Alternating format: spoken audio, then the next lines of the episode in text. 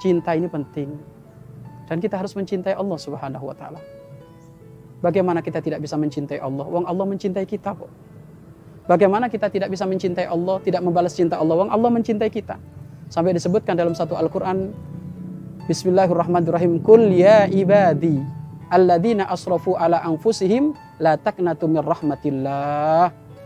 Allah Subhanahu wa taala berfirman di dalam Al-Qur'an, Kul katakan Muhammad ya ibadi hei hamba, hambaku alladzina asrafu ala anfusihim mereka yang melewati batas akan urusan dirinya.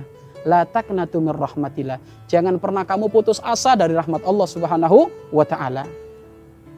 Anda fahami bagaimana Allah memanggil hambanya yang banyak keteledoran Mungkin dia nggak sholat, mungkin dia mabuk-mabukan, mungkin dia, zina, mungkin dia judi, mungkin dia nggak karu-karuan. Tapi apa yang diucapkan oleh Allah dalam Al-Quran? Ya ibadi, he hambaku, yang keterlaluan, yang kurang ajar.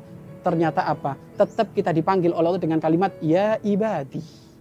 Alangkah agungnya Allah mencintai hambanya menyebut orang yang mabuk dengan kalimat ya ibadi. Bukan hei tukang mabuk, bukan. Hei tukang zina, bukan. Hei tukang ini, bukan. Akan tapi kalimat yang disebut oleh Allah ya ibadi, hei hambaku. Alladzina asrafu ala anfusihim. Orang-orang yang melewati batas akan urusan dirinya.